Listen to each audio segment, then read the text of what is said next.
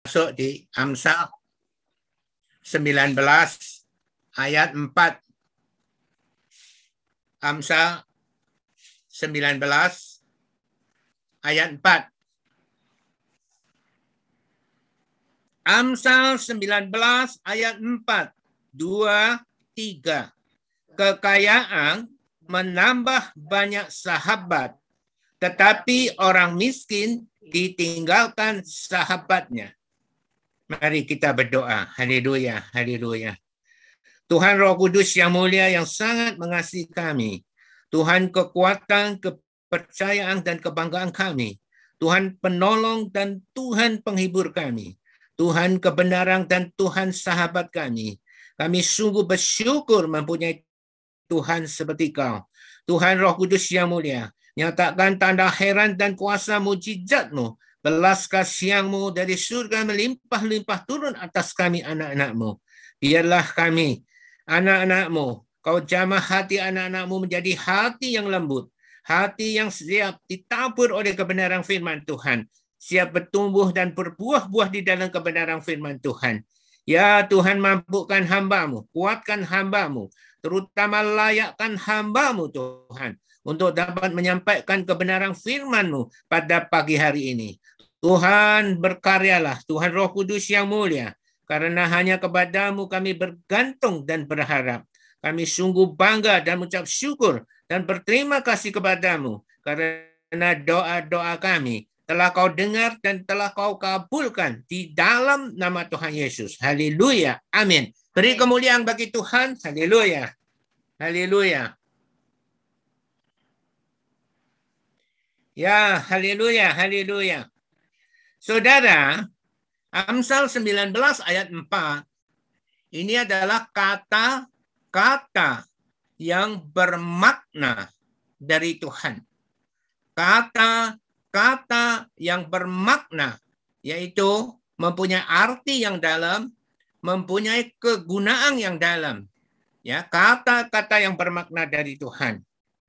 Bukankah kita telah diajar apa fungsi dari Amsal, Amsal Salomo bin Daud itu dan kita telah khotbahkan kitab Amsal pasal 1 ayat 1 sampai ayat 7 bahwa kita mengetahui bahwa ada tiga fungsi dari Amsal-Amsal Salomo itu yaitu tiga fungsi yang sangat menonjol di dalam Amsal-Amsal Salomo bin Daud itu.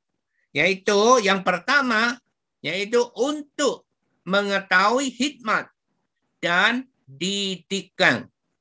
Untuk mengerti kata-kata yang bermakna. Jadi ini adalah fungsi pertama. Untuk mengetahui hikmat dan didikan. Untuk mengerti kata-kata yang bermakna. Dan Amsal 19 ayat 4 ini ya, yaitu kekayaan menambah banyak sahabat, tetapi orang miskin ditinggalkan sahabatnya. Ini adalah kata-kata bermakna dari Tuhan. Siapa dapat mengertinya, siapa dapat mengertinya dan melakukannya. Siapa dapat mengertinya dan melakukannya akan memperoleh hikmat dari Tuhan. Akan memperoleh hikmat dari Tuhan. Apakah hikmat itu, saudara?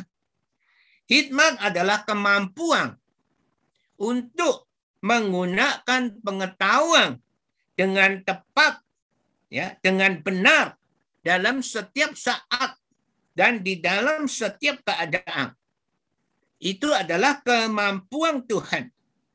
Sekali lagi, saudara boleh catat, hikmat adalah kemampuan untuk menggunakan pengetahuan dengan benar di dalam setiap saat dan di dalam setiap tempat.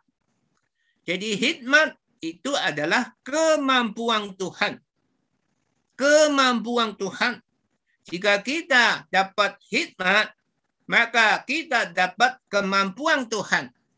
Maka kita akan seperti Tuhan. Saudara, Maukah kita mendapatkan kemampuan Tuhan? Jika kita mau, maka perhatikan kata-kata bermakna dari Tuhan. Amsal 19 ayat 4 ini.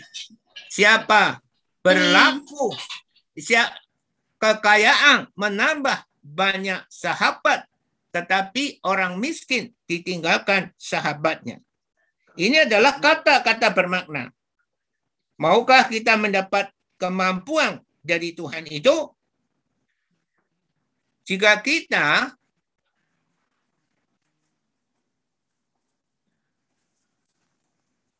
jika kita maukah kita mendapat kemampuan Tuhan itu, saudara, jika kita mau, maka dengarkan kata-kata bermakna Tuhan ini, yaitu Amsal 19 ayat 4 ini. Maukah saudara-saudara Tuhan berkata, ya, kekayaan menambah banyak sahabat. Tetapi orang miskin ditinggalkan sahabatnya. Ini adalah kata-kata bermakna dari Tuhan. Jika kita mau bahkan melakukannya, jika kita mau bahkan melakukannya atau mempraktekkan di dalam kehidupan nyata kita sebagai orang-orang percaya. Perhatikan, jika kita mau bahkan melakukannya atau mempraktekkan di dalam kehidupan nyata, di dalam kehidupan kita sebagai orang-orang percaya, maka kita akan memperoleh hikmat kemampuan Tuhan ini kita akan memperoleh hikmat kemampuan Tuhan ini, yaitu Amsal 19 ayat 4. Maka hidup kita akan menjadi terang dan garam di dalam dunia ini yang sudah gelap ini. Apakah dunia tidak gelap, saudara?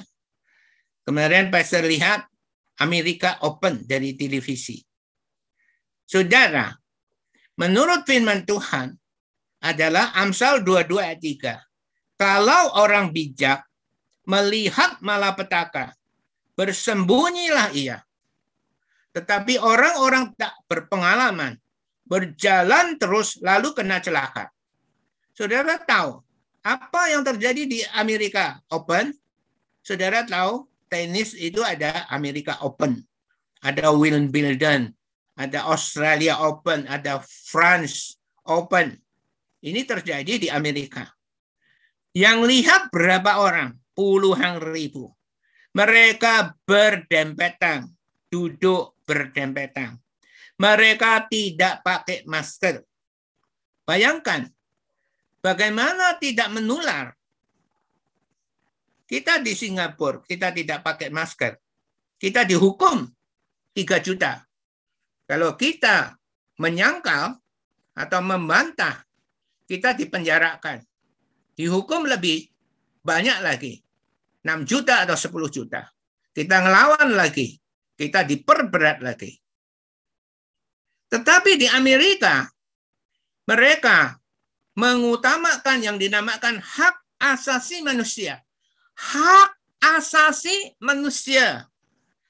Aku tidak mau pakai masker. Itu hak asasiku. Dia tidak peduli orang tertular atau tidak tertular.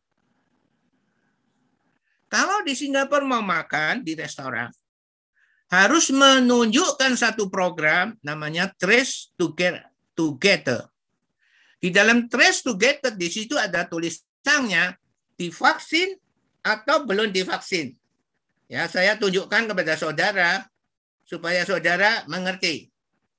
Saudara lihat nih, di tempat vaccinated, pastor sudah dicentang.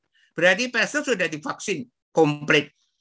Saudara lihat ini, lihat ya. Ya ini adalah program Trace Get Together.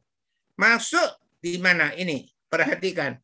Masuk di mana saja kita mau potong rambut, kita mau ke mall, mau belanja, mau belanja, mau apa, itu harus tunjukkan. Tetapi kita lihat Amerika.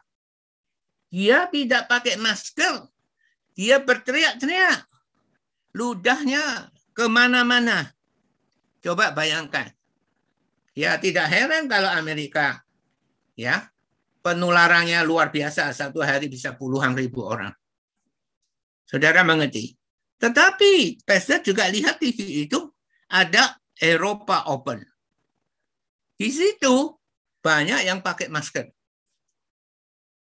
Maka saudara, dunia sudah gelap ini saudara tahu artinya. Jadi saudara jangan harap virus corona bisa begitu saja lewat di dunia ini. Tidak. Jika masih ada orang yang tertular, maka dia akan menular, menular, menular, menular, tidak pernah berhenti. Dan virus corona ini kalau kena orang tua, orang tua meninggal. Tetapi saudara-saudara itu termasuk bersyukur bahwa jika di grup ini saudara ada yang kena virus corona, tetapi saudara hidup, saudara harus bersyukur dan berterima kasih kepada Tuhan bahwa karena saudara dilindungi oleh Tuhan Roh Kudus, karena saudara telah dibaptis Roh Kudus, dan saudara obatnya hanya berbahasa roh. Kalau tidak, saudara akan kena juga. Ya, seperti adik ibu ya. Antri di rumah sakit belum sampai masuk sudah mati. Ini adalah dunia yang gelap ini. Saudara setuju dunia yang gelap ini? Ya laki minta menikah dengan laki. Bayangkan, apakah Tuhan menciptakan Adam dan Adam atau Tuhan menciptakan Adam dan Hawa? Yang perempuan minta menikah dengan perempuan, apakah dunia ini sudah gelap? Ya, sangat gelap sekali. Maka jika kita mau bahkan melakukannya atau mempraktekkan di dalam kehidupan nyata kita sebagai orang-orang percaya, maka Amsal 19.4 ini yaitu kata-kata bermakna dari Tuhan itu akan ya menjadi kemampuan Tuhan yang dilimpahkan di dalam hidup kita. Maka hidup kita akan menjadi terang dan garam di dalam dunia ini yang sudah gelap ini. Maukah saudara-saudara? Ya, itu tergantung saudara-saudara. Sekarang pertanyaannya adalah yang perlu diperhatikan adalah tetapi kenapa kata-kata bermakna ini bermakna ini yaitu Amsal 19 ayat 4 ini kekayaan menambah banyak sahabat tetapi orang miskin ditinggalkan sahabatnya. Kenapa kata-kata bermakna ini atau Amsal 19 ayat 4 ini tidak menjadi populer di dalam kehidupan orang-orang percaya di zaman ini. Saudara tahu populer? Populer adalah sangat terkenal sekali. Ya, Kenapa kata-kata bermakna ini, yaitu Amsal 19 ayat 4 ini, Kekayaan menambah banyak sahabat, tetapi orang miskin ditinggalkan sahabatnya. Tidak menjadi populer di dalam kehidupan orang-orang percaya di zaman ini. Kenapa, saudara? Kenapa? Bahkan tidak dibahas.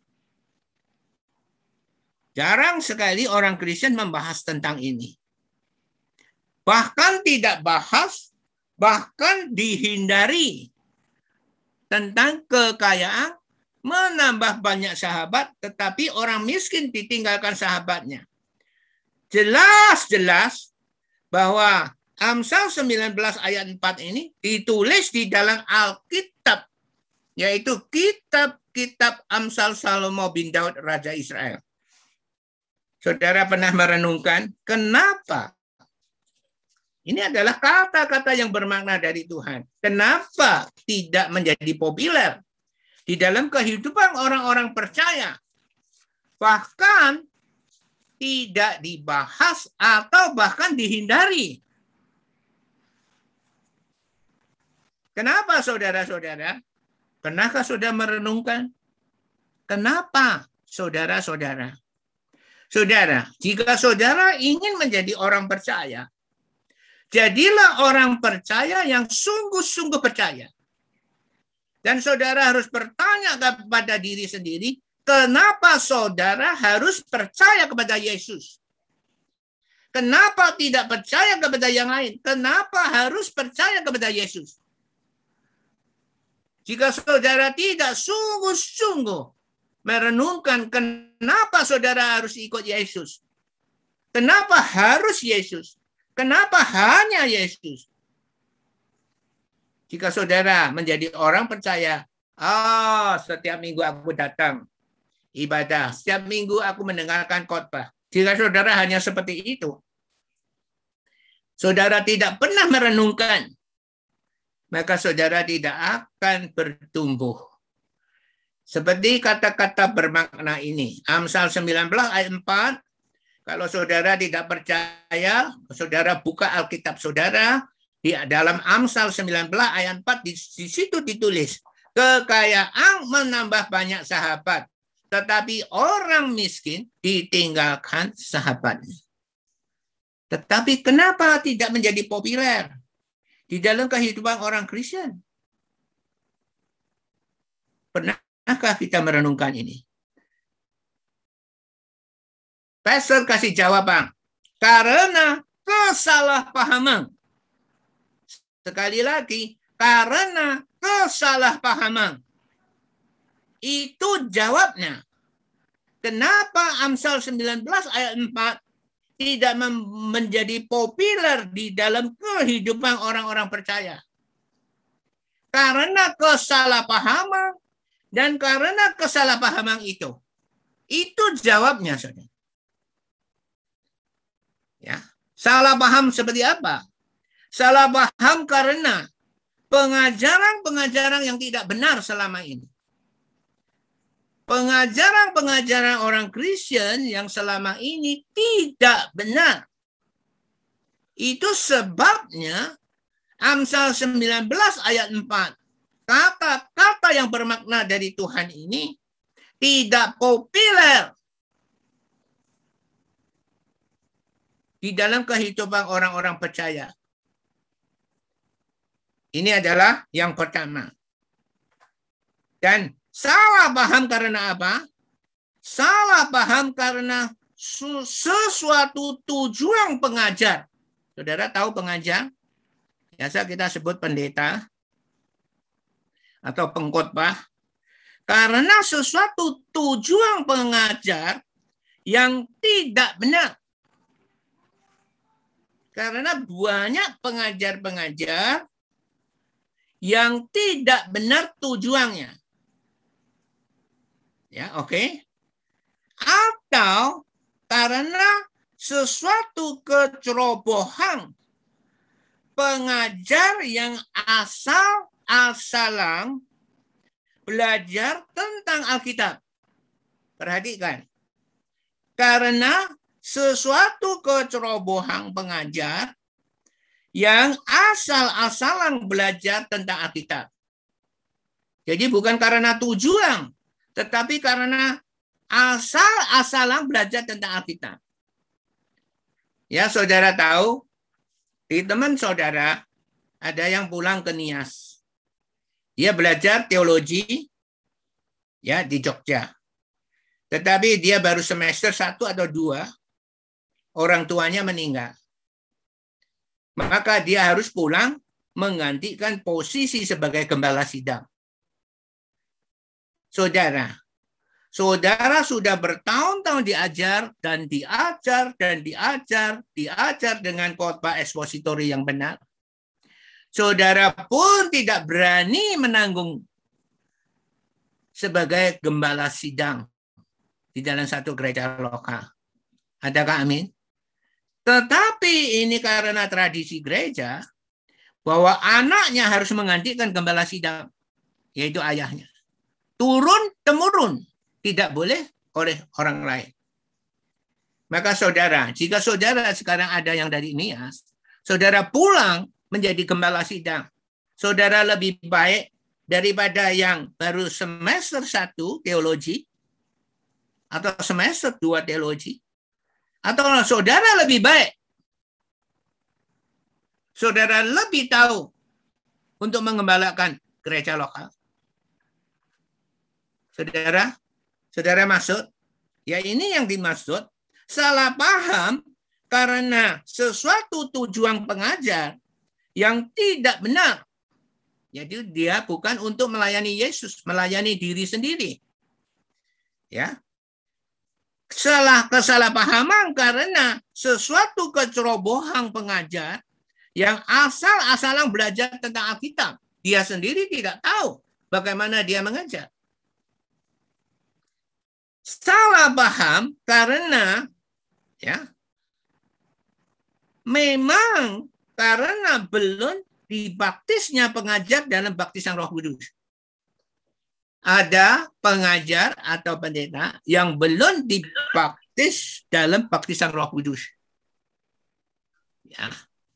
Jadi mereka tidak akan bisa mengajar dengan benar tetapi mereka akan mengajar dengan kesalahpahaman. Jadi, kalau pengajar yang belum dibaptis dalam baptisan Roh Kudus, dia tidak mungkin dapat memahami firman Tuhan dengan benar atau sedalam-dalamnya. Dia tidak mungkin dapat memahami ya, memahami firman Tuhan dengan benar atau sedalam-dalamnya. Tetapi hanya secara huruf via saja. Tetapi hanya secara huruf via saja. Dia tidak bisa mendapatkan sesuatu pewahyuan dari firman Tuhan. Tetapi dia hanya secara huruf via saja. Sekali lagi, Pastor tegaskan, tidak mungkin orang yang belum dibaptis Roh Kudus bisa memahami dengan sungguh-sungguh atas firman Tuhan. Ini yang pastor alami. Tidak mungkin orang yang belum dibaptis Roh Kudus bisa memahami dengan sungguh-sungguh atas firman Tuhan. Jika di antara saudara belum dibaptis Roh Kudus, saudara juga sangat sulit sekali untuk memahami kebenaran firman Tuhan yang sedang disampaikan kepada saudara. Sebab kenapa saudara? Ya, karena firman Tuhan itu adalah pewahyuan dari Tuhan Roh Kudus itu. Karena firman Tuhan itu adalah pewahyuan dari Tuhan Roh Kudus itu. Saudara tahu? Kalau itu dari pewahyuan dari Tuhan Roh Kudus, kalau saudara tidak ada Roh Kudus, bagaimana saudara bisa memahami pewahyuan Tuhan Roh Kudus? Tak mungkin. Ya, kita lihat apakah benar 2 Petrus 1 ayat 21. 2 Petrus 1 ayat 21. Perhatikan kata-kata ini. Ya. Sebab tidak pernah nubuat dihasilkan oleh kehendak manusia. Saudara tahu nubuat? Ya, nubuat adalah ya orang yang mewakili Tuhan berbicara untuk Tuhan itu adalah nubuat. Alkitab itu adalah nubuat Tuhan. Rasul Paulus menulis ya kitab Roma, kitab Galatia, satu Korintus, dua Korintus, ya, satu Tesalonika, dua Tesalonika, ya, Filipi, Efesus, ya. Semua itu karena dari pewahyuhan dari Roh Kudus, mereka yaitu Paulus berbicara mewakili Tuhan. Demikian Yohanes, Rasul Yohanes yang dipilih oleh Yesus sendiri itu dia menulis Injil Yohanes, dia menulis satu Yohanes, dua Yohanes, tiga Yohanes, surat Yohanes, dan kitab Wahyu itu dapat pewahyuan dari Tuhan Roh Kudus. Dan mereka di sini Alkitab mengatakan sebab tidak pernah nubuat dihasilkan oleh kehendak manusia. Oleh kehendak manusia. Tetapi di sini Roh Kudus orang-orang berbicara atas nama Allah. Berbicara atas nama Allah. Jelas sekali ya, tetapi ya orang-orang berbi tetapi oleh Roh Kudus orang-orang berbicara atas nama Allah. Saudara mengerti? Maka orang yang belum dibaptis Roh Kudus ya ia tidak akan bisa memahami pewahyuan Roh Kudus, yaitu firman Tuhan. Maka dia tidak bisa menyampaikan dengan benar atau sedalam-dalamnya. Dia hanya menyampaikan secara hurufiah. Apa yang dikatakan secara huruf, yaitu dia katakan. Tetapi tidak bisa ya dia membedah secara dalam karena dia belum dibaptis Roh Kudus. Ya. Dan bukan ini saja, ya.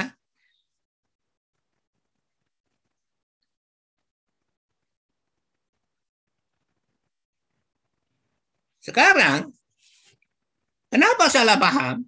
Ya, sekalipun pengajar itu telah dibaptis oleh Roh Kudus, tetapi yang tidak dekat Tuhan Roh Kudus. Dia sekalipun telah dibaptis oleh Roh Kudus, tetapi yang tidak dekat dengan Tuhan Roh Kudus. Oh, tidak tahu menggunakan empat mekanisme baptisan Roh Kudus itu. Yaitu kisah Rasul 1 ayat 8. Roma 8 ayat 26 27. 1 Korintus 14 ayat 2 dan 4. Dan Markus 16 ayat 17 sampai 8. 18. Dia tidak dekat dengan Tuhan. Dia tidak tahu menggunakan empat mekanisme. Mekanisme saudara tahu adalah tangga. Ya, tangga yang Tuhan berikan supaya kita dari lantai satu bisa naik ke lantai dua. Lantai dua menaik ke lantai tiga itu adalah mekanisme Tuhan. Ya, dan karena dia tidak tahu menggunakan empat mekanisme baptisan Roh Kudus itu, mereka juga tidak akan dapat menyampaikan kebenaran firman Tuhan dengan benar. Hanya orang salah paham. Baptisan roh kudus itu hanya sekedar bisa berbahasa roh. Maka ketika mereka tanpa, oh mari kita berbahasa roh, mereka bisa berbahasa. Tapi mereka tidak tahu apa gunanya bahasa roh itu. Maka pendeta-pendeta yang seperti ini kita juga tidak akan dapat menyampaikan kebenaran firman Tuhan dengan benar. Ya karena ini itu terjadilah kesalahpahaman, kesalahpahaman. Kenapa Amsal 19 ayat 4 tidak dibahas bahkan dihindari. Saudara mengerti arti ini? Amin. Amin. Dan jika pengajar itu punya tujuan hidupnya tidak benar, tidak mungkin dia bisa menyampaikan kebenaran firman Tuhan dengan benar. Ya, dulu jemaat kita sebelum saudara masuk ya, mungkin berapa tahun yang lalu, mungkin 5 6 7 tahun yang lalu ya sekolah Alkitab dan dia ditanya Kenapa kau ingin menjadi pendeta? Karena hidup pendeta dihormati oleh orang banyak dan dapat uang banyak. Jika pengajar-pengajar yang seperti ini mengajar saudara, maka bagaimana dia bisa mengajar firman Tuhan dengan benar? Jadi karena ya tadi hal-hal tadi sehingga kesalahpahaman itu terjadi. Jadi sekali lagi salah paham karena pengajaran-pengajaran yang tidak benar. Karena sesuatu tujuan pengajar yang tidak benar atau suatu kecerobohan pengajar yang asal-asalan belajar tentang Alkitab. Atau memang karena belum dibaptisnya pengajar dalam baptisan Roh Kudus. Sehingga tidak mungkin dapat memahami firman Tuhan dengan benar atau sedalam-dalamnya tetapi hanya secara huruf via saja. Sekali lagi, tidak mungkin orang yang belum dibaptis Roh Kudus bisa memahami dengan sungguh-sungguh atas firman Tuhan. Karena firman Tuhan itu adalah pewahyuan-pewahyuan dari Tuhan Roh Kudus itu sendiri. 2 Petrus 1 ayat 21. Sebab tidak pernah nubuat dihasilkan oleh kehendak manusia, tetapi oleh Roh Kudus orang-orang berbicara atas nama Allah. Demikian, sekalipun pengajar itu telah dibaptis oleh Roh Kudus, tetapi yang tidak dekat dengan Tuhan Roh Kudus, tidak tahu menggunakan empat mekanisme baptisan Roh Kudus itu, juga tidak akan dapat menyampaikan kebenaran firman Tuhan dengan benar apalagi tujuan hidupnya tidak benar. Contoh yang paling sering digunakan untuk menakut-nakuti orang kaya yang ada di dalam gereja lokal itu. Ini contoh. Sekarang Pastor memberi contoh. Ya. Contoh yang paling sering digunakan untuk menakut-nakuti orang kaya yang ada di dalam gereja lokal itu. Ialah Matius 19 ayat 16 sampai 26. Matius 19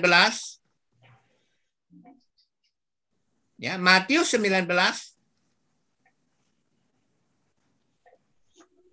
Matius 19 ayat 16 sampai 26. Mari kita lihat. Ini yang sering digunakan untuk menakut-nakuti orang kaya yang ada di dalam gereja lokal. Ya. Ayat 16 ada seorang datang kepada Yesus dan berkata, Guru, perbuatan baik apakah yang harus ku perbuat untuk memperoleh hidup yang kekal? Jawab Yesus, apakah sebabnya engkau bertanya kepadaku Yesus tentang apa yang baik? Hanya satu yang baik. Tetapi jikalau engkau ingin masuk ke dalam hidup, turutilah segala perintah Allah. Kata orang itu kepada Yesus, perintah yang mana? Kata Yesus, jangan membunuh, jangan berzina, jangan mencuri, jangan mengucapkan saksi dusta. Hormatilah ayahmu dan ibumu, dan kasihilah sesamamu manusia seperti dirimu sendiri. Kata orang muda itu kepada Yesus, semuanya itu telah ku turuti. Apalagi yang masih kurang. Kata Yesus kepada pemuda itu, jikalau engkau hendak sempurna, pergilah, jualah segala milikmu, dan berikanlah itu kepada orang-orang miskin, maka engkau akan beroleh harta di surga. Kemudian datanglah kemari dan ikutlah aku, Yesus. Ketika orang muda itu mendengar perkataan itu, pergilah ia pemuda dengan sedih, sebab banyak hartanya. Yesus berkata kepada murid-muridnya, Aku, Yesus berkata kepadamu, sesungguhnya sukar sekali bagi seorang kaya untuk masuk ke dalam kerajaan surga. Sekali lagi, aku Yesus berkata kepadamu, lebih mudah seekor unta masuk melalui lubang jarum daripada seorang kaya masuk ke dalam kerajaan Allah. Ketika murid-murid mendengar itu, sangat gemparlah mereka dan berkata, jika demikian, siapakah yang dapat diselamatkan? Yesus memandang mereka dan berkata, bagi manusia hal ini tidak mungkin, tetapi bagi Allah segala sesuatu mungkin. Ini adalah firman Tuhan yang sering digunakan untuk menakut-nakuti orang kaya yang ada di dalam gereja lokal. Hai orang kaya, hati-hati kau. Kau adalah orang yang sangat sukar masuk ke dalam surga. Bukankah seperti ini? Dan akhirnya apa yang terjadi? Ya, yang terjadi adalah ada anggapan seolah-olah menjadi orang kaya itu adalah salah. Seolah-olah menjadi orang kaya itu adalah salah. Maka jadilah saya seorang yang biasa-biasa saja supaya aman jalanku menuju surga. Adakah amin? Ya saudara sudah bergereja ke mana-mana saudara ya bisa mengalami ini. Ini adalah kesalahpahaman saudara. Jadi akhirnya kesimpulannya adalah menjadi kaya itu adalah kesalahan. Akhirnya kesimpulan karena pengajaran-pengajaran yang salah paham ini secara hurufiah ini, maka mendapat kesimpulan banyak orang mendapat kesimpulan, maka jadilah ya jadi jadi orang kaya itu adalah salah. Ya saudara renungkan baik-baik. Di dalam pergerejaan saudara, ketika saudara bergereja, pengajaran-pengajaran yang pernah saudara dapat, renungkan baik-baik. Ya, jadi seolah-olah menjadi orang kaya itu adalah salah. Ya, ini kesalahpahaman-kesalahpahaman inilah ya yang membuat Amsal 19 ayat 4 ini tidak populer di dalam kehidupan orang-orang percaya. Sedang ini adalah kata-kata bermakna dari Tuhan. Kekayaan menambah banyak sahabat, tetapi orang miskin ditinggalkan sahabatnya. Jika saudara tidak menjernihkan, ya, mengoreksi kesalahpahaman-kesalahpahaman ini, maka saudara akan mendapat kesimpulan menjadi orang kaya itu adalah kesalahan yang fatal. Bahkan ya, Unta saja masuk ke lubang jarum lebih mudah daripada orang kaya masuk dalam kerajaan surga. Sebetulnya lubang jarum itu bukan seperti lubang jarum jarum saudara. Ya, karena di Yerusalem sana ada tempat dibikin satu pintu khusus untuk unta. Ya, unta saudara tahu? Ya, untuk masuk ke sana. Jadi di sini di sini disebut ya mudah lebih mudah seekor unta masuk melalui lubang jarum, yaitu satu pintu yang dikhususkan untuk unta masuk. Bukan lubang jarum jarum sungguhan. Dulu saya juga secara hurufiah ya, oh jarum sungguhan. Waduh, orang kaya tidak bisa masuk ke surga. Maka kalau gembala bilang, eh ini perayaan Natal kurang dua setengah juta gimana? Oke, dengan iman saya ambil. Saya yang bayar, saudara. Karena saya orang kaya. Kalau enggak, saya enggak bisa masuk surga. Jadi setiap setiap KKR, ya, kebangunan, kebang,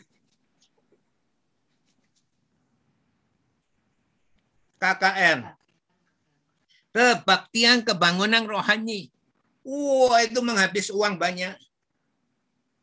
Wah, kurang. Dengan iman aku tutup. Dengan iman aku tutup. Dengan iman aku tutup karena aku orang kaya. Orang kaya masuk gereja. ya. Kalau nanti pendeta lihat saya ketakutan, terus dia datang mendoakan saya. Oh, saudara, Tuhan sangat mengasihi kau. Tuhan akan memakai kau luar biasa. Tuhan akan melimpah-limpah. Ya, di dalam kehidupanmu kau akan dipakai oleh Tuhan. Oh, saya menangis. Uh, uh, aku diurapi oleh Tuhan. Halo? Halo? Sampai satu saat saya bilang, saya tidak mau keluar uang. Kalau gereja ada uang, adakan KKR. Kalau tidak ada uang, tidak usah adakan KKR. Ternyata orang ya bisa sadar.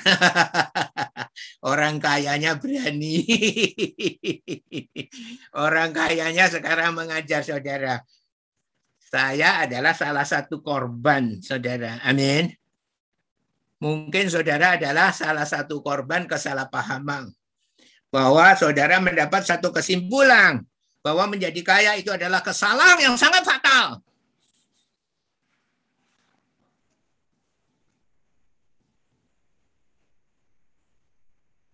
Saudara, mari renungkan. Periksa. Kalau kita mau mencoba memeriksa apa tujuan pengajar-pengajar sering menakuti orang-orang kaya. Percaya, tujuannya hanya supaya orang kaya itu mengeluarkan uang. Maka pastor ditelepon oleh orang Surabaya yang kaya raya sekali. Dia telepon sampai satu jam lebih. Karena pengajarnya mengajar dia orang kaya sulit masuk dalam kerajaan surga. Dia telepon sama saya, apakah benar kata firman Tuhan itu? Takutnya luar biasa. Tanya sampai satu jam. Pastor bilang itu tidak benar. Sekarang lebih baik daripada kau mengeluarkan uang kasihkan pengajar itu, lebih baik kau diajar dan kau menjadi pengajar. Tetapi dia tidak mau. Dia masih mau mendengar pengajar-pengajar yang menungeng-nungeng. ya, amin. Kalau seperti pastor mengajar saudara, saudara sudah siap mental. Nanti jantungku coplok atau tidak. Hai saudara yang baru bergabung, ya pemimpin dari Iran. Saya berdoa kepada Tuhan supaya jantungmu tidak coplok hari ini. haleluya, haleluya. Haleluya. Haleluya. Ya saudara, kalau kita mau periksa tujuan pengajar-pengajar yang sering menakut-nakuti orang kaya itu, maka kita akan tidak takut saudara. Ya, amin. Amin. Jadi sekali lagi Tuhan mengajar pada kita jika kita mempunyai kesalahpahaman ini yaitu kalau menjadi kaya itu adalah kesalahan yang besar. Jika kita mempunyai kesalahpahaman ini, bagaimana kata-kata bermakna Tuhan Amsal 19 ayat 4 ini dapat dimengerti dan menjadi kemampuan Tuhan di dalam kehidupan orang-orang percaya.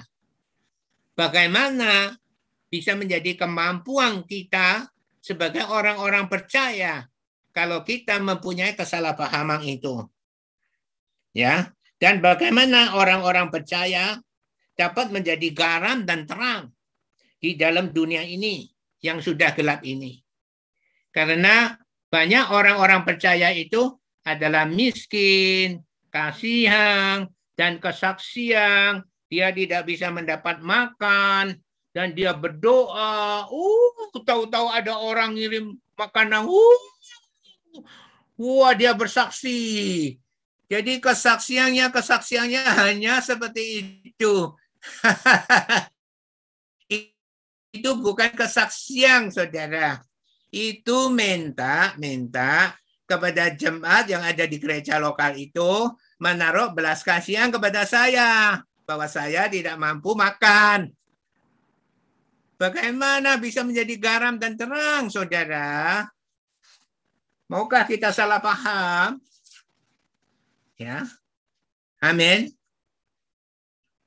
Tetapi saudara, herannya tolong. Tetapi herannya ya, Sebaliknya, orang-orang yang belum percaya, perhatikan, orang-orang yang belum percaya kepada Tuhan, perhatikan, orang-orang yang belum percaya kepada Tuhan, justru mereka banyak yang menjadi kaya. Kalau saudara tidak percaya, orang-orang yang belum percaya kepada Tuhan, justru mereka banyak yang menjadi kaya. Kenapa saudara? Karena mereka tidak takut kaya. Mereka tidak takut kaya. Kenapa mereka tidak takut kaya? Ya. Mereka bekerja keras untuk menjadi kaya. Mereka tidak takut kaya, mereka bekerja keras untuk menjadi kaya. Kenapa saudara-saudara? Kenapa saudara-saudara? Pernah, pernahkah saudara merenungkan itu? Pernahkah saudara merenungkan itu? Jawabnya karena mereka mendapat hikmat kemampuan Tuhan. Karena mereka mendapat hikmat kemampuan Tuhan. Loh, kok bisa orang yang tidak percaya kepada Tuhan, loh, kok bisa mendapat hikmat kemampuan Tuhan? Hari ini Tuhan menjelaskan kepada kita apa hikmat itu? Hikmat itu adalah kemampuan Tuhan. Apa kemampuan Tuhan itu? Ada dua kemampuan Tuhan, yaitu hikmat Tuhan. Hikmat yang satu adalah logika. Kita jalan. Saudara tahu logika? logika kita jalan. Jika kita ke tempat yang dingin menginap, kita siapkan ya baju tebal, selimut tebal dan sebagainya. Adakah amin? Bahkan wedang jahe semua disiapkan, sekoteng disiapkan. Bukankah seperti itu? Itu logika kita jalan. Kalau logika kita tidak jalan, kita ke tempat yang dingin, nginep di sana, tidak bawa selimut, hanya pakai kaos oblong. Uh, praktis. Hidup tuh harus praktis. Kita harus pakai kaos oblong. Itu logikanya nggak jalan, saudara. Amin. Amin. Sekarang saudara jelas logika. Ya, logika saudara tahu ya artinya. Ya. Itu adalah kemampuan Tuhan yang satu logika jalan. Ya, mereka yaitu orang-orang yang belum percaya kepada Tuhan, mereka logikanya jalan. Mereka berpikir dalam kehidupan yang nyata ya, dalam kehidupan nyata mereka merenungkan bahwa kekayaan menambah banyak sahabat. Mereka merenungkan pengalaman ini. Di dalam kehidupan nyata, ya, bahwa kekayaan menambah banyak sahabat. Jika dia kaya, uh, sahabatnya banyak sekali. Itu dia merenungkan. Dia bisa merenungkan ya bahwa di dalam kehidupan nyata kekayaan menambah banyak sahabat. Tetapi orang-orang percaya karena kesalahpahaman tentang kekayaan justru kehilangan logika mereka. Jadi karena kesalahan kesalahpahaman pengajaran, mereka kehilangan logika mereka. Mereka orang-orang percaya menjadi orang-orang percaya yang cengeng. Saudara tahu cengeng? Isanya menangis tidak bisa bekerja apa-apa. Orang yang cengeng, orang percaya yang cengeng. Jangan bilang mau menjadi garam dan terang di dalam dunia ini. Jangan bilang menjadi garam dan terang di dunia ini mereka adalah orang cengeng. Maukah kita merenungkan keadaan ini dengan sungguh-sungguh? Kenapa orang-orang yang tidak percaya pada Tuhan, karena mereka mau merenungkan kenyataan hidup, bahwa kekayaan menambah banyak sahabat, maka mereka bersikeras menjadi kaya, bercita-cita menjadi kaya, dan mereka bekerja keras untuk menjadi kaya. Tidak seperti orang-orang percaya. karena kesalahpahaman, maka hidup mereka hanya hidup cengeng. Kisahnya ngapa orang-orang percaya itu? Oh, nyanyi. Oh Tuhan, aku percaya kepadamu. Oh Tuhan, aku percaya kepadamu. Hanya bisa itu.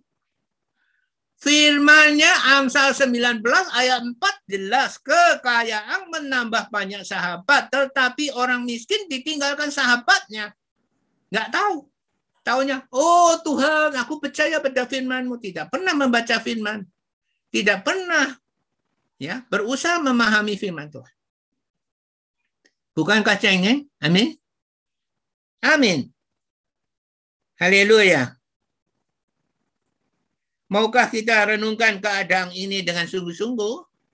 Maukah, saudara? Sekarang, hikmat Tuhan yang satunya lagi. Hikmat Tuhan yang kedua adalah ada kemampuan secara adi kodrati. Saudara tahu adi kodrati? Yaitu bukan secara alam, tapi ini sudah melampaui. Ya, itu sudah melampaui yaitu mendapat pewahyuan dari Tuhan. Yaitu adalah kemampuan ya, kemam, kemampuan adi kodrati atau karunia pengetahuan Tuhan atau karunia pengetahuan Tuhan. Contoh ya, contoh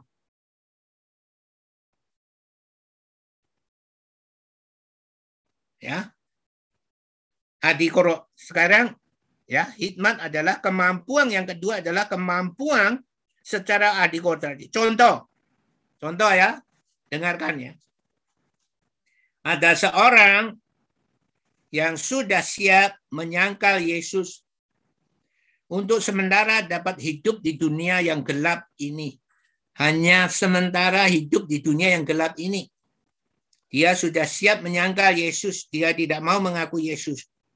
Tetapi yang keluar dari mulut justru adalah pengakuan bahwa dirinya adalah murid Kristus. Tetapi ajaib, harusnya orang ini dibunuh, tetapi tetap masih hidup. Tetap masih hidup. Ini adalah peristiwa yang ajaib. Nah, peristiwa ini diartikan sebagai tanda bahwa Tuhan ya bahwa Tuhan mau memakai hidupnya. Bahwa Tuhan mau memakai hidupnya untuk memuliakan kerajaan Tuhan. Nah, jika kita bisa mengartikan seperti ini, itu tandanya kita punya kemampuan adikodrati atau karunia untuk pengetahuan. Saudara mengerti? Atau mendapat karunia pengetahuan dari Tuhan. Sekarang saudara tahu yang satu adikotrati, yang satu adalah logika. Itu adalah kemampuan Tuhan. Ini tadi kesalahpahaman pengajaran tentang kekayaan. Ya, yang dipakai Amsal 19 ayat 16 sampai 26. Ya. Amin. Maka Amsal 19 ayat 4 walaupun ditulis di dalam Alkitab dia tidak menjadi kata-kata bermakna. Dan dia tidak menjadi populer dalam kehidupan orang-orang percaya. Karena kesalahpahaman-kesalahpahaman yang di atas tadi. Sekarang contoh kesalahpahaman yang lain. Kesalahpahaman yang kedua adalah Yesus kan hidupnya miskin. Ya, banyak orang mengatakan ini. Yesus kan hidupnya miskin. Maka kita juga harus hidup miskin. Itu diperlukan. Jadi kalau dia hidup miskin, dia bangga. Uh, aku seperti Yesus. ya, amin. Amin. Kalau rambutnya gondrong, dia suka. Uh, aku seperti Yesus, rambutnya gondrong. kalau dia suka pakai jubah seperti Yesus pakai jubah. Oh, aku seperti Yesus pakai jubah. Mereka pakai jubah karena mereka di padang gurun. Mereka pakai jubah karena mereka cuacanya kalau malam dingin sekali, kalau siang panas sekali. Ya, dan pasirnya begitu banyak terbangan ke sana ke sini. Jadi kita hanya menangkap secara hurufiah. Kenapa Yesus miskin? Karena Yesus dibikin miskin supaya orang-orang Israel dapat menerima atau tidak. Orang-orang Israel maunya menjadi raja pada waktu itu di dunia itu mengusir penjajah Romawi. Dia tidak peduli masuk ke surga, tidak peduli. Maka Yesus menjadi miskin supaya mereka tidak menerima Yesus. Tetapi Tuhan sungguh baik. Yesus mengadakan banyak mujizat. Yang buta menjadi ya melihat, yang tuli menjadi mendengar, yang bisu menjadi berkata-kata, yang kerasukan setan, ya mereka sembuh dari kerasukan setan, yang sakit disembuhkan, yang lumpuh bisa berjalan, yang mati dibangkitkan, supaya mereka bisa percaya hanya satu Nikodemus dan beberapa murid saja yang percaya. Maka Nikodemus mengatakan kepada Yesus, "Guru, kamu tidak mungkin kalau tidak disertai Allah. Karena tanda heran kuasa mujizat itu tidak mungkin kalau kamu tidak disertai oleh Allah." Hanya Nikodemus yang berkata-kata di Yohanes 3 ya, ayat 1 dan seterusnya. Saudara, Saudara mengerti? Jadi bukan supaya kita menjadi orang miskin. Ya. Oh, seperti Yesus, kita bangga menjadi orang miskin. Oh, haleluya, haleluya. Maka Amsal 19 ayat 4 maka tidak populer. Dihindari. Itu karena mengajar kekayaan. Kekayaan menambah banyak sahabat. Tetapi orang miskin ditinggalkan sahabatnya. Sekalipun saudara merasa bahwa orang kaya banyak sahabatnya, di dalam kehidupan yang yang, yang nyata saudara-saudara dapat merasakan banyak orang kaya di banyak sahabatnya. Tetapi karena saudara kehilangan logika saudara, maka saudara tidak bisa merasakan itu.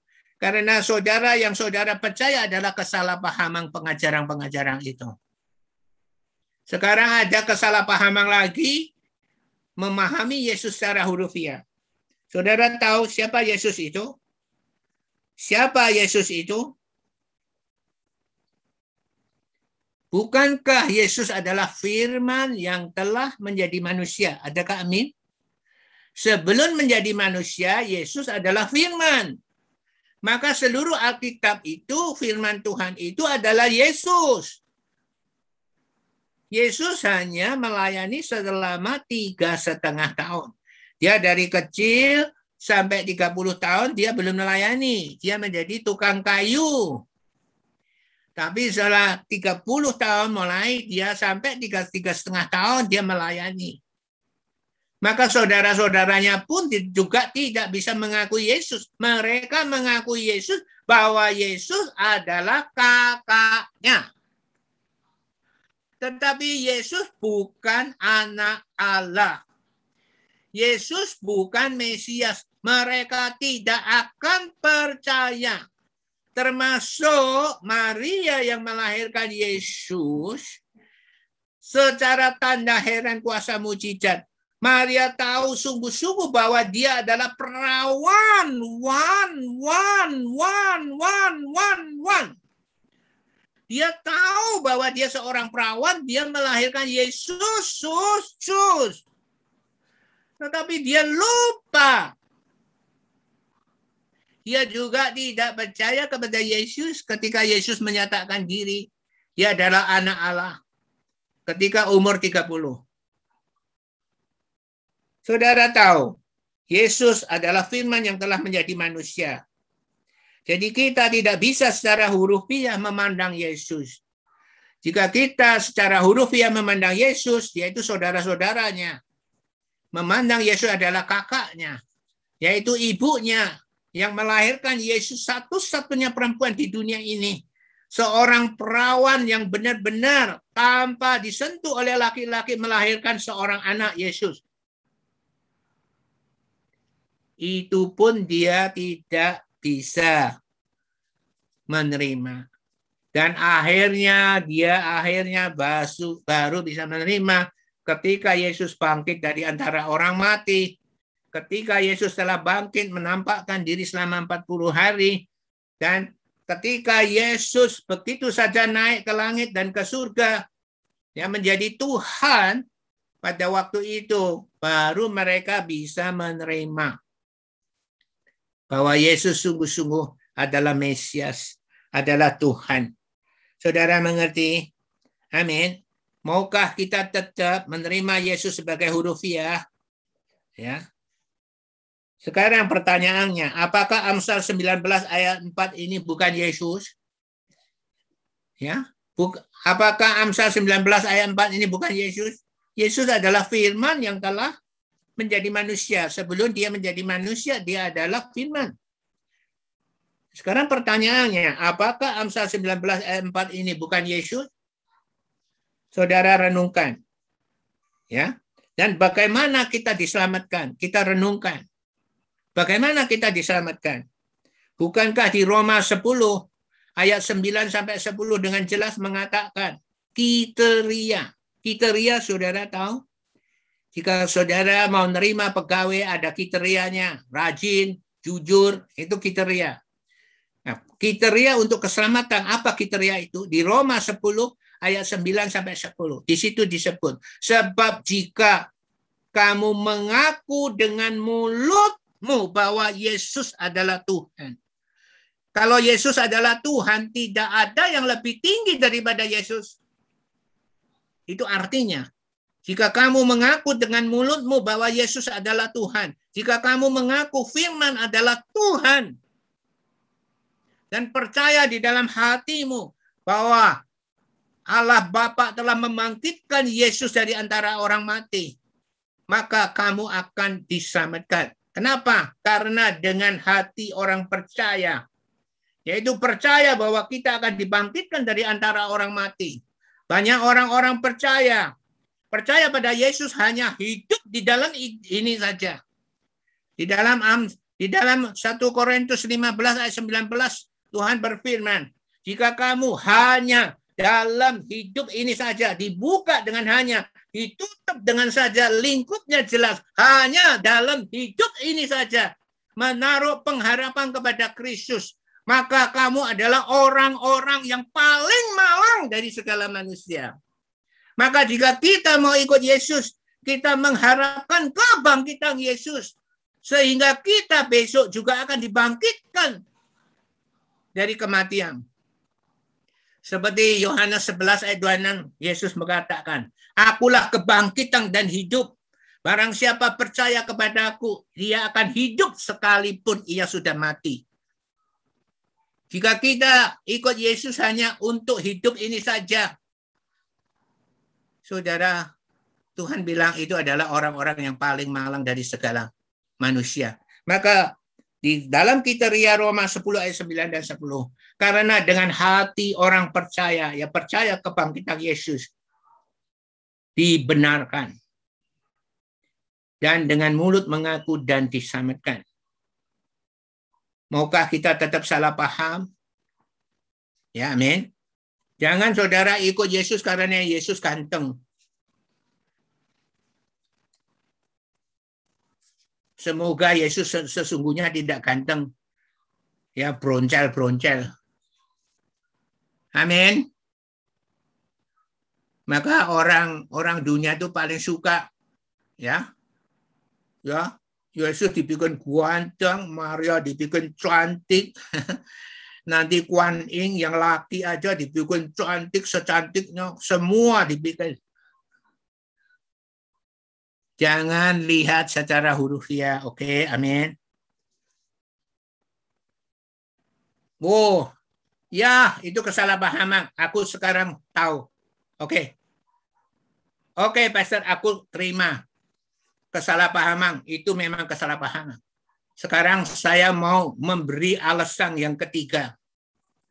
Bukankah Yesus berkata, setiap orang yang mau mengikut aku harus menyangkal dirinya. Wuh, betul juga. ya, amin. Bukankah Yesus berkata, setiap orang yang mau mengikut aku harus menyangkal dirinya? Matius 16 ayat 24. Yesus berkata kepada orang banyak, setiap orang, baik dia orang percaya maupun belum percaya, setiap orang yang mengikut aku Yesus harus menyangkal dirinya dan memikul salibnya.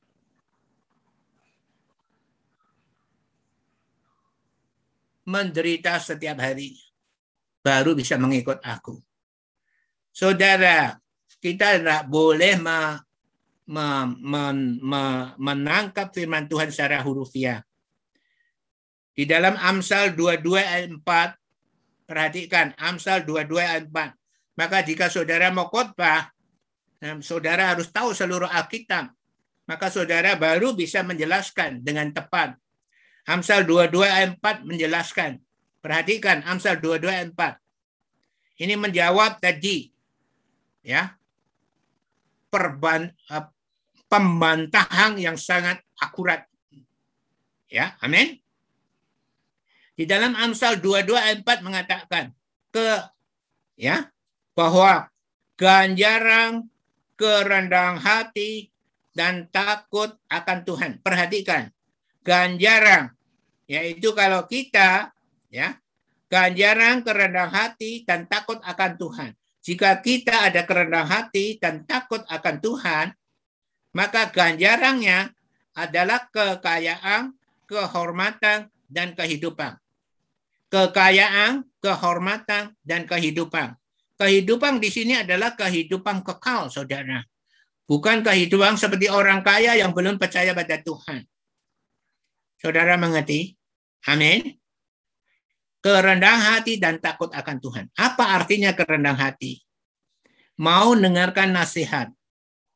Kalau orang yang mau mendengarkan nasihat, jelas-jelas firman Tuhan sudah mengajar pada saudara Jelas-jelas kesalahpahaman ini telah dibukakan kepada saudara.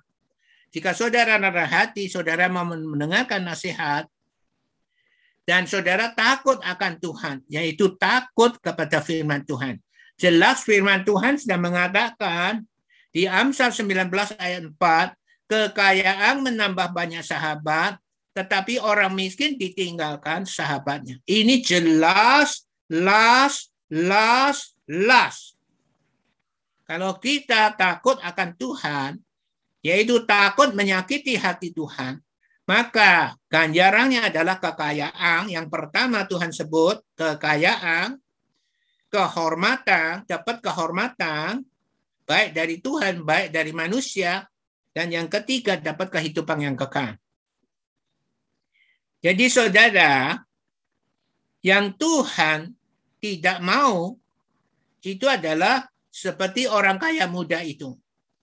Orang kaya muda itu masih merindukan kekayaan. Saudara tahu? Tetapi jika kita menjadi kaya untuk Tuhan, supaya kita banyak sahabat dan dapat menolong sahabat-sahabat kita, kenapa kita tidak menjadi kaya? Saudara mengerti? Amin. Amin. Jangan salah paham lagi. Saya harap saudara setelah mendengarkan khotbah ini, saudara akan mempraktekkan ya firman Tuhan ini dan saudara akan menjadi orang yang bercita bercita-cita menjadi orang kaya, bahkan orang kaya yang terkaya di dunia ini. Yang mempunyai pengaruh yang sangat dan saudara akan membangun banyak sekolah-sekolah dan mendirikan sekolah-sekolah yang menitik beratkan pendidikan moral. Pendidikan moral. Saudara, mengerti? Amin. Amin.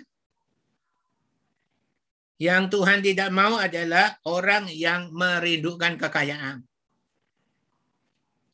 Tetapi Tuhan suka orang yang kaya yang mau menggunakan kekayaannya untuk memenangkan banyak sahabat-sahabatnya. Untuk menjadi karam dan terang di dalam dunia nyata ini. Bahwa orang percaya itu jempol. Double jempol. Kalau bisa ada 10 jempol. Ya, amin. Orang percaya itu bukan orang cengeng yang dapat menyanyi, berdoa, berdoa, berdoa, berdoa, berdoa sesuai ya keinginannya sendiri. Sampai seribu tahun, seribu juta tahun, ya satu miliar juta tahun, doa saudara tidak pernah akan dijawab oleh Tuhan. Saudara mengerti? Amin. Doa yang sesuai dengan kehendak Tuhan, ya itu yang dijawab oleh Tuhan sesuai Yohanes pasal 15 ayat 7 itu adalah kunci doa. Jika kamu di dalam aku Yesus dan firmanku di dalam kamu, mintalah apa saja yang kamu kehendaki, maka kamu akan menerimanya. Firmanku di dalam kamu.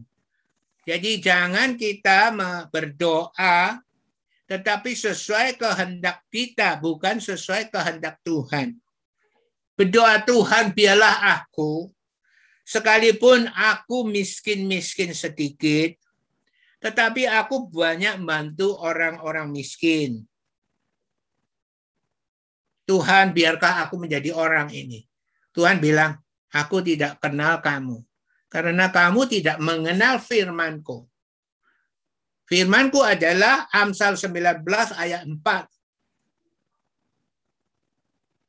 Kekayaan menambah banyak sahabat, tetapi orang miskin ditinggalkan sahabatnya. Kenapa? Orang berdoa tidak mau kaya karena dia pemalas. Karena dia adalah orang malas. Orang yang tidak punya semangat hidup. Saudara mengerti? Karena menjadi orang kaya itu tidak mudah, saudara. Kalau saudara mau membaca biografi-biografi orang sukses di dunia ini, banyak itu Gramedia. Saudara baca ke sana.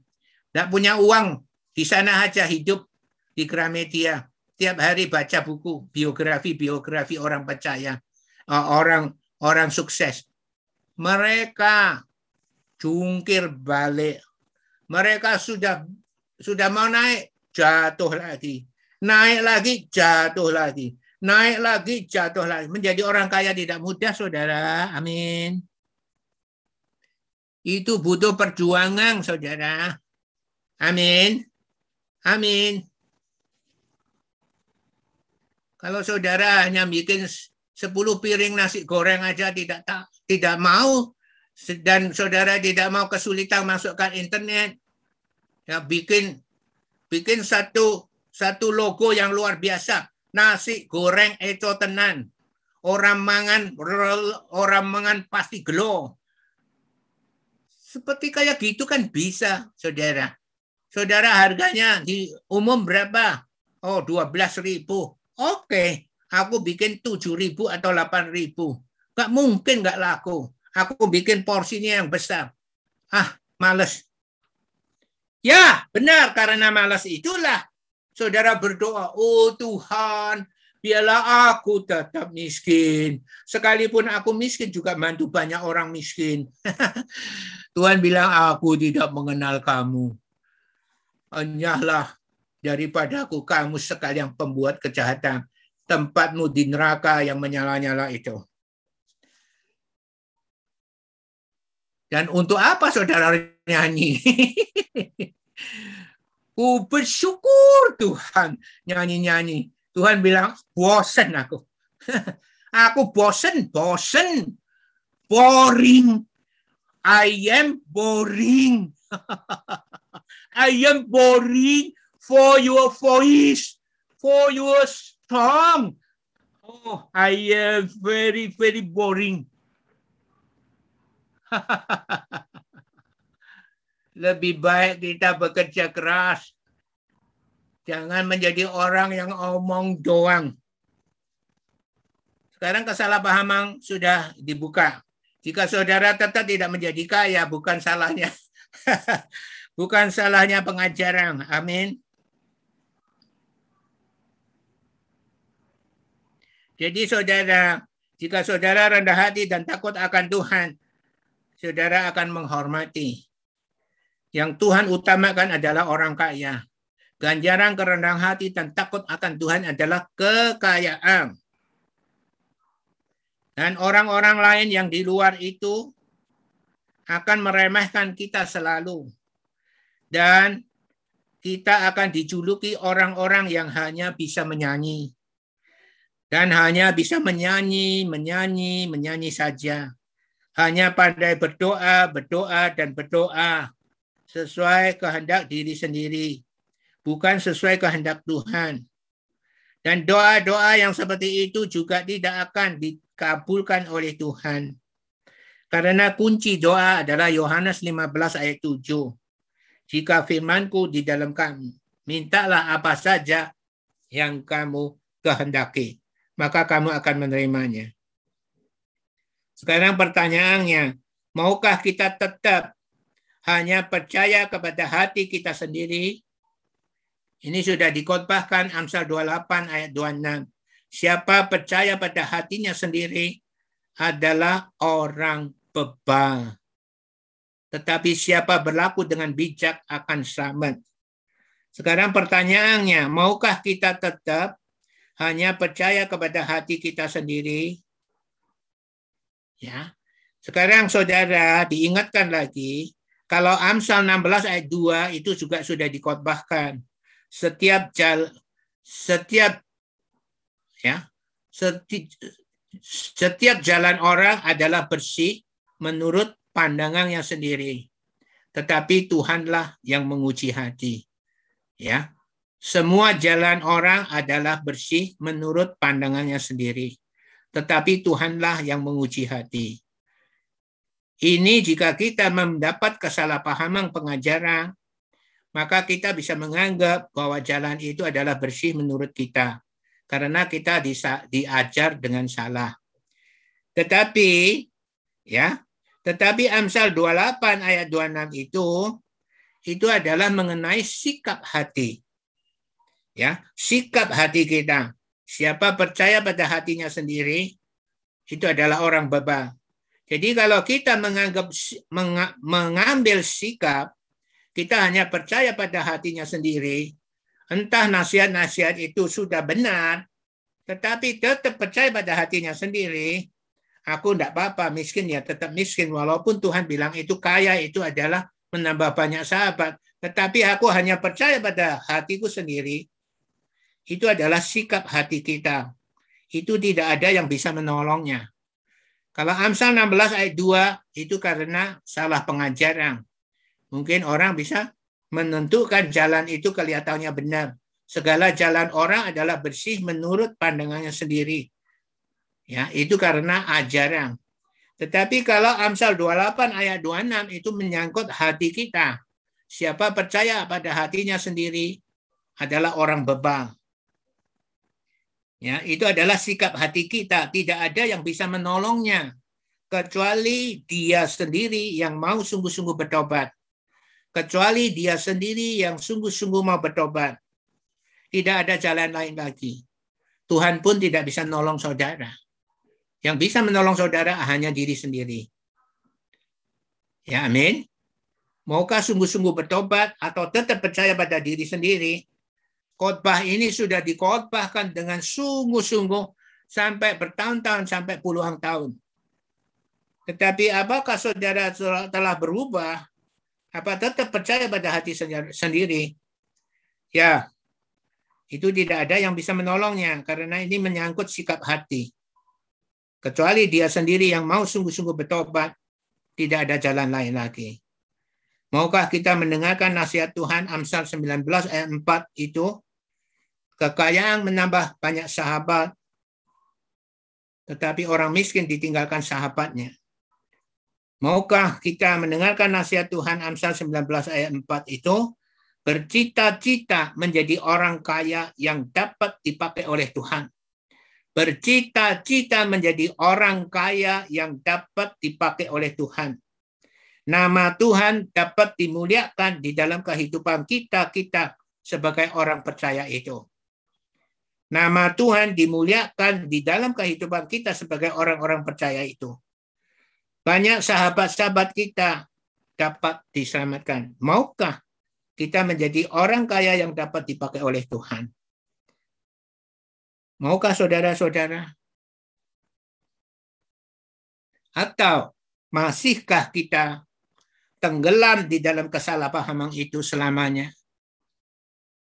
Atau masihkah kita tenggelam di dalam kesalahpahaman itu, yaitu tiga kesalahpahaman yang di atas yang dikupas tadi? Itu terus itu adalah pilihan kita.